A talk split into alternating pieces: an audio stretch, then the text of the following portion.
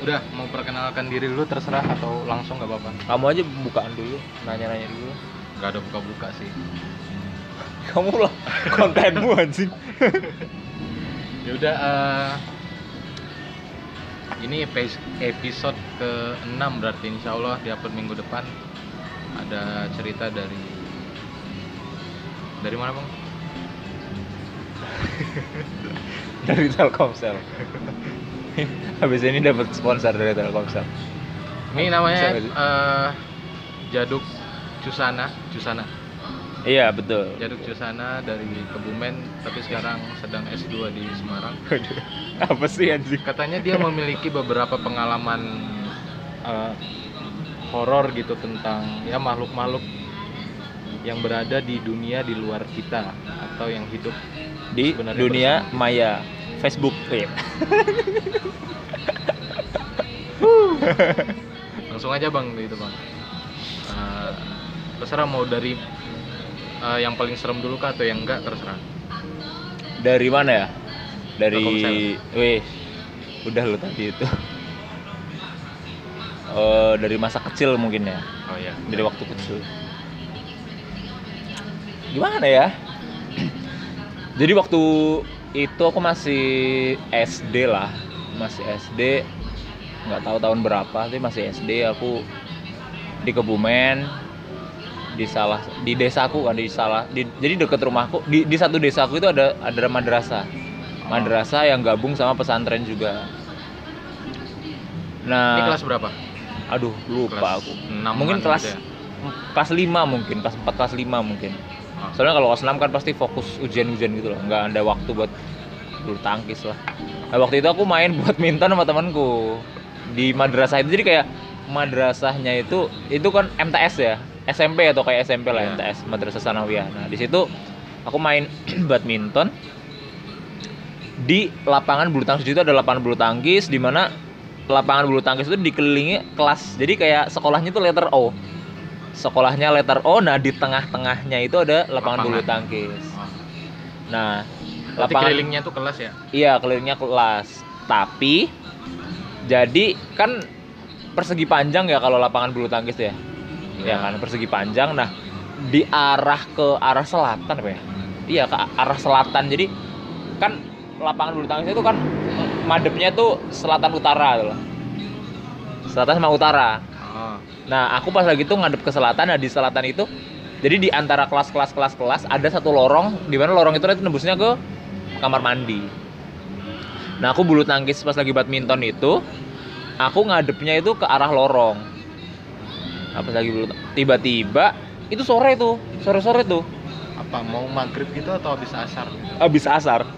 oh berarti nggak sore-sore banget ya Nggak sore-sore banget, masih cerah. Hmm. aku ngeliat ada cewek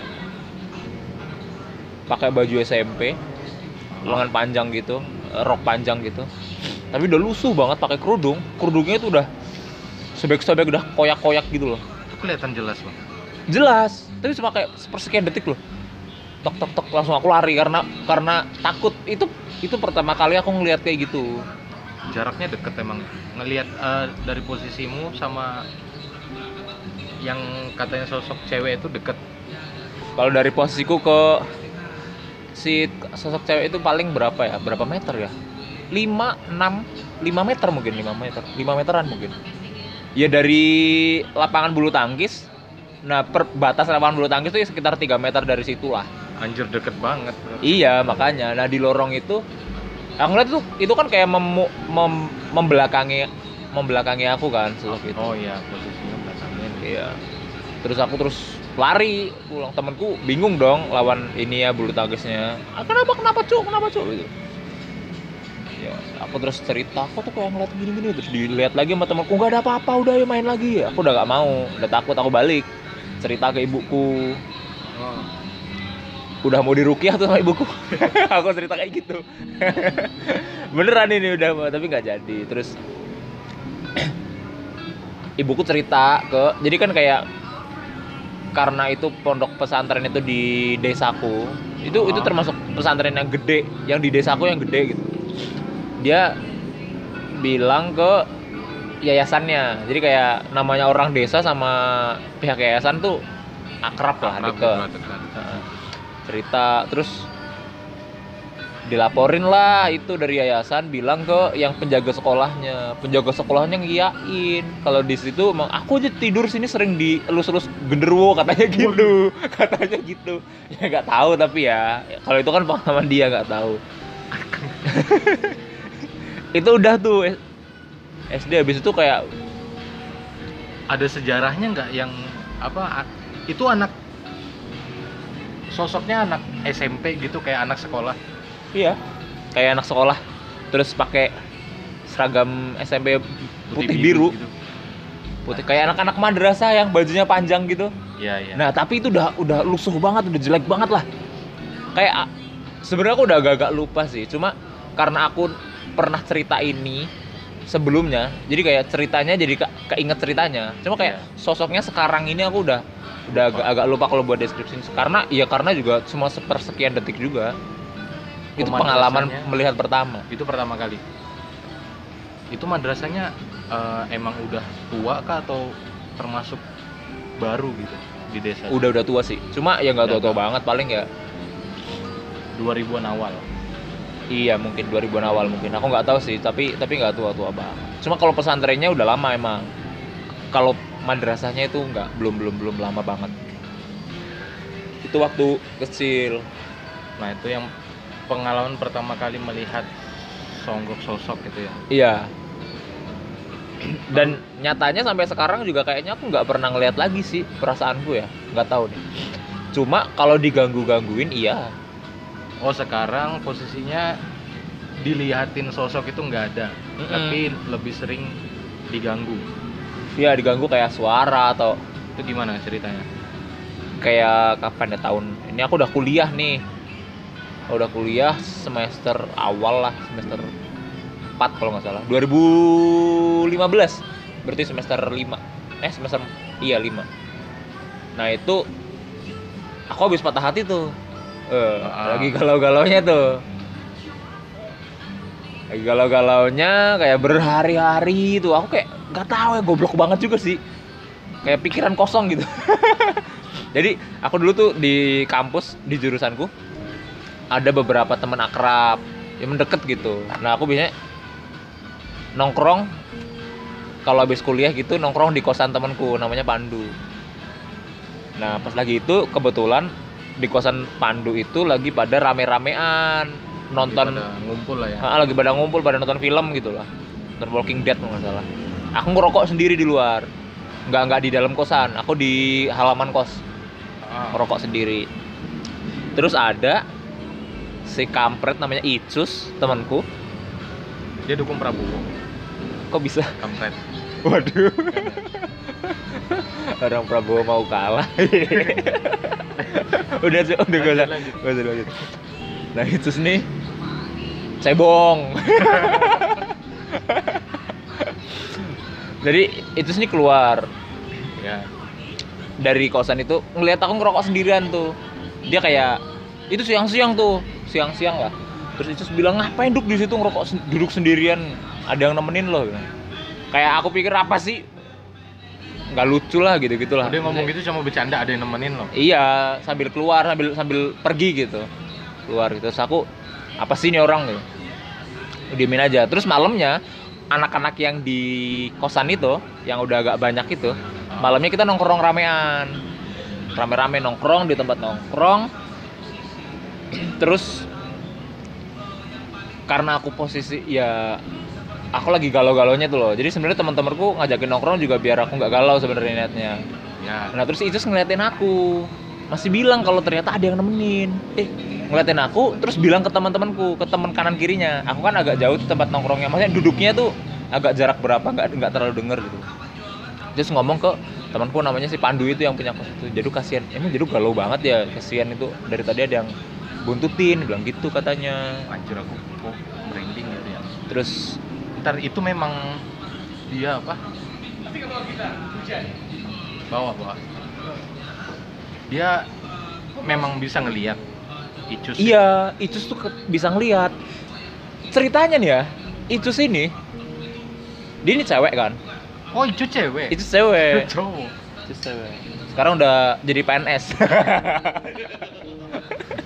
Icus, kalau kamu mendengar ini, udah nggak mungkin orang ini podcast nggak terkenal.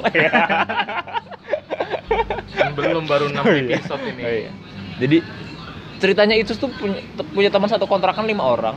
Kalau lagi di kontrakan dia sendirian malam-malam, lampunya dimatiin semua sama dia.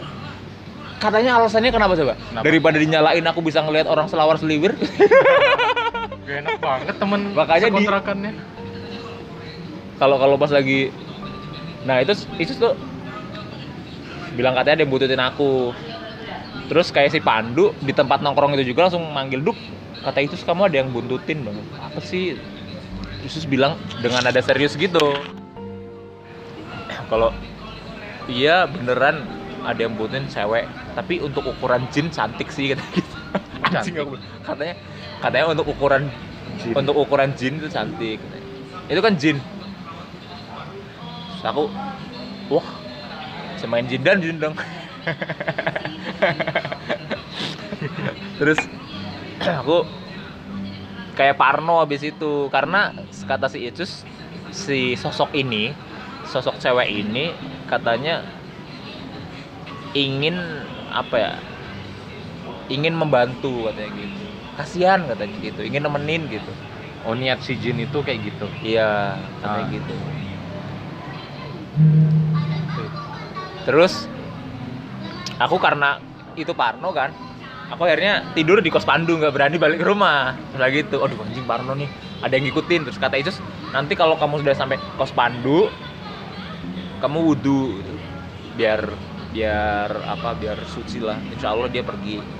Oke, aku sampai kos Pandu, aku wudhu, terus aku sama Pandu nih bosen nih mau ngapain? Nonton film lah kita berdua Ah, di kos Pandu. Nonton film, selesai sekitar jam 2 jam 3 apa ya? Jam 2 jam 3 gitu, aku lupa. Dini hari tuh selesai, terus si Pandu habis selesai nonton film ngeliat aku, cuk mukamu kok pucat banget aku. Wah anjir aku langsung ngeliat ke cermin dong. Mana ada pucat nggak ada aku sehat-sehat aja. Enggak cuk aku enggak ini pucat banget sih pucat banget sih.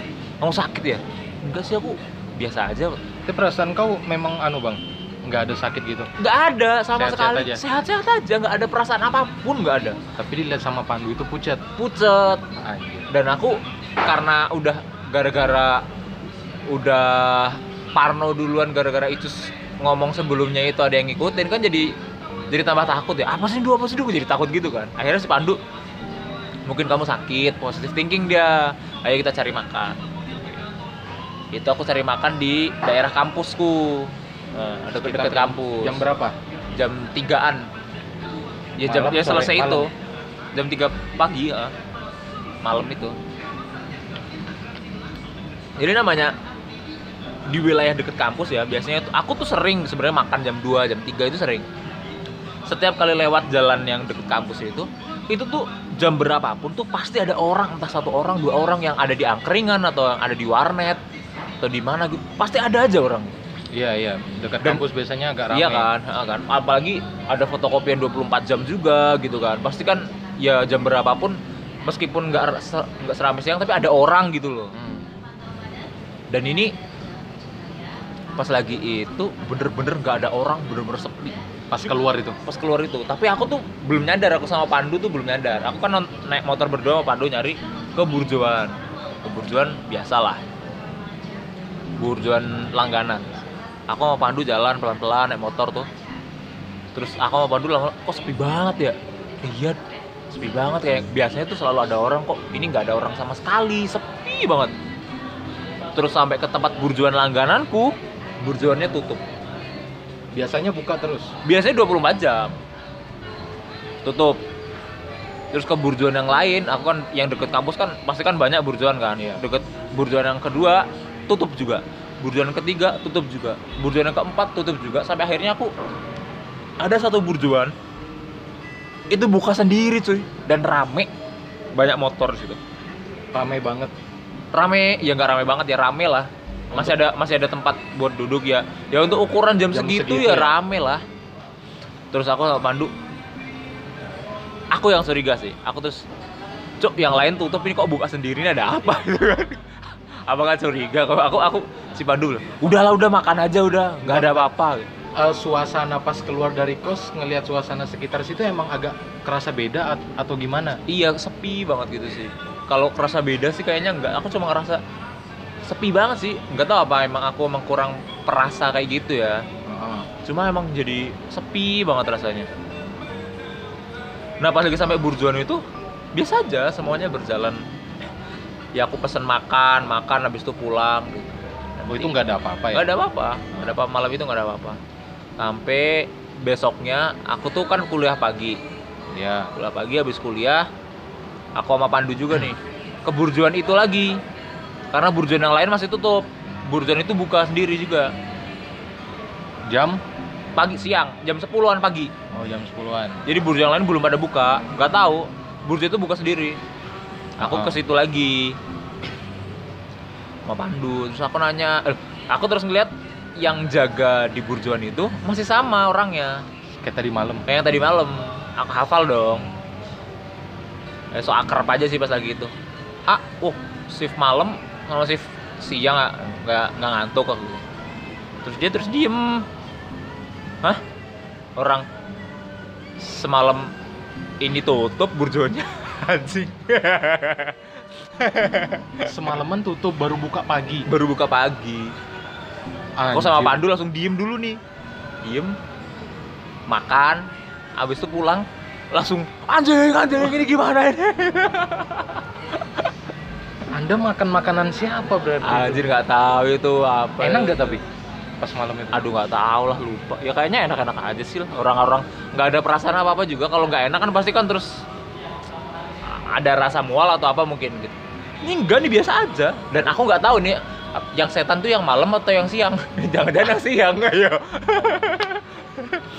habis itu aku nggak pernah ke burjo itu lagi Ada yang kayak gitu ternyata ya. Iya.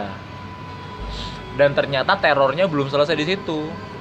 Aku habis itu kan karena malamnya begadang itu kan, habis kuliah itu terus habis makan terus aku pulang ke kos Pandu, aku tidur sampai sore. Sore. Terus nongkrong lagi malamnya habis nongkrong itu ya sampai pagi lah, sampai jam 3 pagi gitu. Heeh. Aku balik ke rumah. Balik ke kontrakanku. Daerah, daerah Bantul. Di perjalanan itu, jam 3 pagi nih, jam di perjalanan itu. Jadi kayak aku kalau mau ke rumah itu ada satu pertigaan di mana di tengah-tengah pertigaan itu ada satu tugu, ada tugu. Tugunya itu di depan balai desa lah. Heeh. Jam 3 pagi nih. Aku lewat situ, tiba-tiba ada suara keras banget yang kayak jelas banget, tapi cuma sekelebat gitu. Suara gimana itu? Suara "Hih!" gitu dong. Serius bang? Iya, Kayak ketawa. kayak ketawa, tapi pertama aku kira tuh suara kambing. Oh. Aku kira Itu berapa kali bunyinya? sekali doang itu. Tapi, Tapi aku terus berhenti. Aku nggak tahu kenapa ya. Aku juga nggak tahu ya. Sumpah ya, aku nggak tahu kenapa aku berhenti di pertigaan itu langsung berhenti tek. Itu bener-bener sepi nggak ada orang sama sekali itu kan. Tek. Aku nyari suara apa itu kayak. Aku diem. Suara apa itu? Aku kira kambing. Terus eh apa kucing ya? Aku lihat itu nggak ada nggak ada kambing, nggak ada kucing, nggak ada ayam, nggak ada apa pun nggak ada terus aku terus langsung wah bajingan ngebut aku sampai rumah Itu kira-kira dari arah mana? Dari dari dari- dari arah samping kanan kalau nggak salah dari arah samping samping kanan jadi kan di jadi pertigaan itu kan tengahnya ada tugu. Nah Iya. samping kananku tuh warung. Tutup. warung toko gitu toko kelontong gitu warung kelontong. Oh. tutup dia jam segitulah di desa tiga pagi. Tutup dan aku kira di samping-samping situ ada apa ternak atau apa gitu. Ternyata nggak ada sama sekali. Aku bener-bener berhenti loh bener-bener yang tapi motor masih nyala. Heeh. habis itu karena udah ketakut aku udah memastikan itu bukan suara hewan aku langsung takut dong. Langsung ngebut. Balik langsung balik. langsung balik ke rumah. Sampai rumah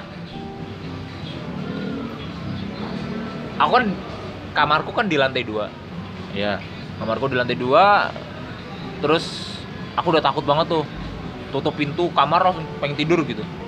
Lampu tak nyalain semua tuh saking takutnya terus tiba-tiba di atap atap rumah jadi kan aku kan berarti lantai dua kan lantai paling atas tuh kan di rumahku. Iya. lantai paling atas nah di atap itu di genteng itu kayak ada orang jalan tuh kayak dek anjir. dek wah aku udah anjir ini apa ini? Lama nggak bang? Enggak sih nggak lama sih. Tapi ada orang jalan. Eh, nggak tahu orang tapi kayaknya perasaanku orang ya karena karena apa lagi cuy? Masa kalau kucing jalan tuh nggak seberisik itu nggak se atapnya apa? Seng genteng. atau oh genteng yang dari batu gitu bata Iya, apa batu dari gitu. dari dari tanah liat. Ya sih kalau kucing nginjak itu pasti suaranya nggak kayak gitu nggak seberisik itu. Kucing nggak mungkin. Masa kambing sampai ke atas? Nggak nggak mungkin dong. mungkin. anjing juga nggak sampai. Biasanya kalau anjing tuh nggak sampai atap-atap kan yang sampai atap-atap itu kan kucing ya kan? Kucing, sama tikus. cicak. Ya kan atau kupu-kupu. Kan kupu-kupu nggak mungkin. Aku pernah agak-agak curiga jangan-jangan ini kambing. Jangan ini banteng PDI anjir jadi nggak serem orang yang denger. Nah habis itu terus pintu kamarku itu banteng PDI cuma kepala doang. Banteng hitam. Terus. Aduh coblos Adriana pintu dulu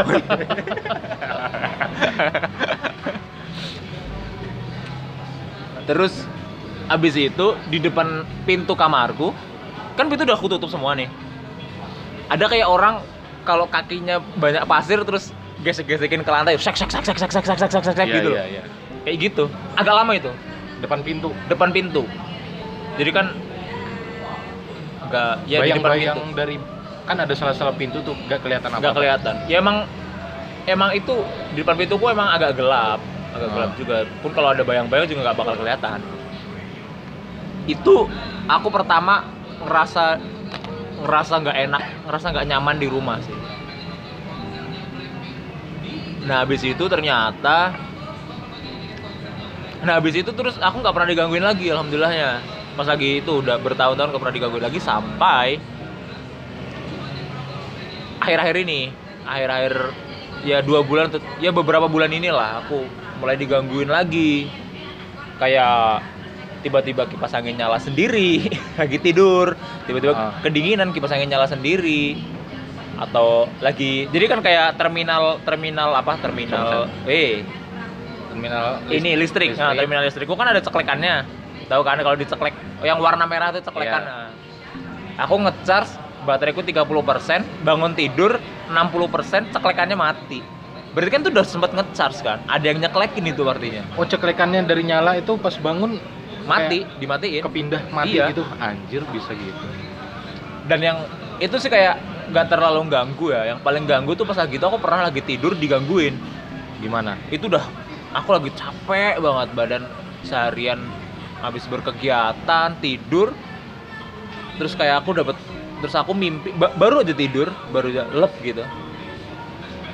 Terus ini aku mimpi yang bikin sampai kaget sampai kebangun. Ah. wih gitu. Pokoknya kayak kayak kalau kamu mimpi jatuh dari ketinggian kan langsung kamu kan bangun kebangun Iya, kan? gerak bangun. Nah, nah itu kayak aku ya hampir kayak gitu cuma posisinya ini kaget. Aku terus kebangun kebangun dari itu langsung ada suara-suara rame rame orang gitu. Kayak wah gitu kayak. Tapi kayak agak jauh gitu. Kayak Jadi- di luar di depan di depan pintu, Pintu kamar. Heeh. rame gitu orang. Aku terus wah ini pasti digangguin. Karena posisiku lagi capek aku emosi aku. Ah. bajingan aku gitu. Kok teriakin bang? Iya. Anjir. Bajingan asu kabeh. Tak gedorin tuh pintu-pintu pintu-pintu kamar mandi pintu kamar depan. Metu kene wel gitu-gituin aku tantangin waktu itu. Terus habis itu habis itu habis itu terus aku masih habis itu aku terus tidur lagi biasa karena udah capek banget. Dan nggak nggak digangguin lagi. Itu Nah. suaranya rame. Misal kayak kita di silol gitu ya iyalah ya kayak di tempat Berisik- nongkrong berisik yang gitu. rame berisik orang ngobrol gitu-gitu anjir itu rame banget Jadi kayak kamu abis kebangun tiba-tiba ada rame-rame kayak gitu kan kamu langsung ngerasa dong. Ya ini ada yang nggak beres dong. Dan posisi kamu karena lagi capek-capeknya kayak rasa takut itu kayak hilang gitu. Apalagi ini rumahmu, ini kamarmu, teritorialmu gitu. Berani-beraninya ganggu kayak gitu. wah itu udah emosi banget sih jadi kayak kalau udah sampai keluar juga aku mungkin takut sih cuma karena Ah. itu rasa beraniku lebih kuat lagi itu dan aku meyakini bahwa kayaknya nih ya kalau makhluk-makhluk kayak gitu kalau kita berani mereka juga takut karena pada dasarnya kita kan makhluk yang paling sempurna katanya di Al-Qur'an. Iya betul. Iya, itu kata Amin Rais. Dahlan Rais adiknya yang bilang. Oh, Tapi habis teriak itu dimisuhin langsung berhenti ya? berhenti. Langsung berhenti, aku tidur lagi. Oh, langsung nggak ada suaranya langsung, Langsung gak ada suaranya. Heeh.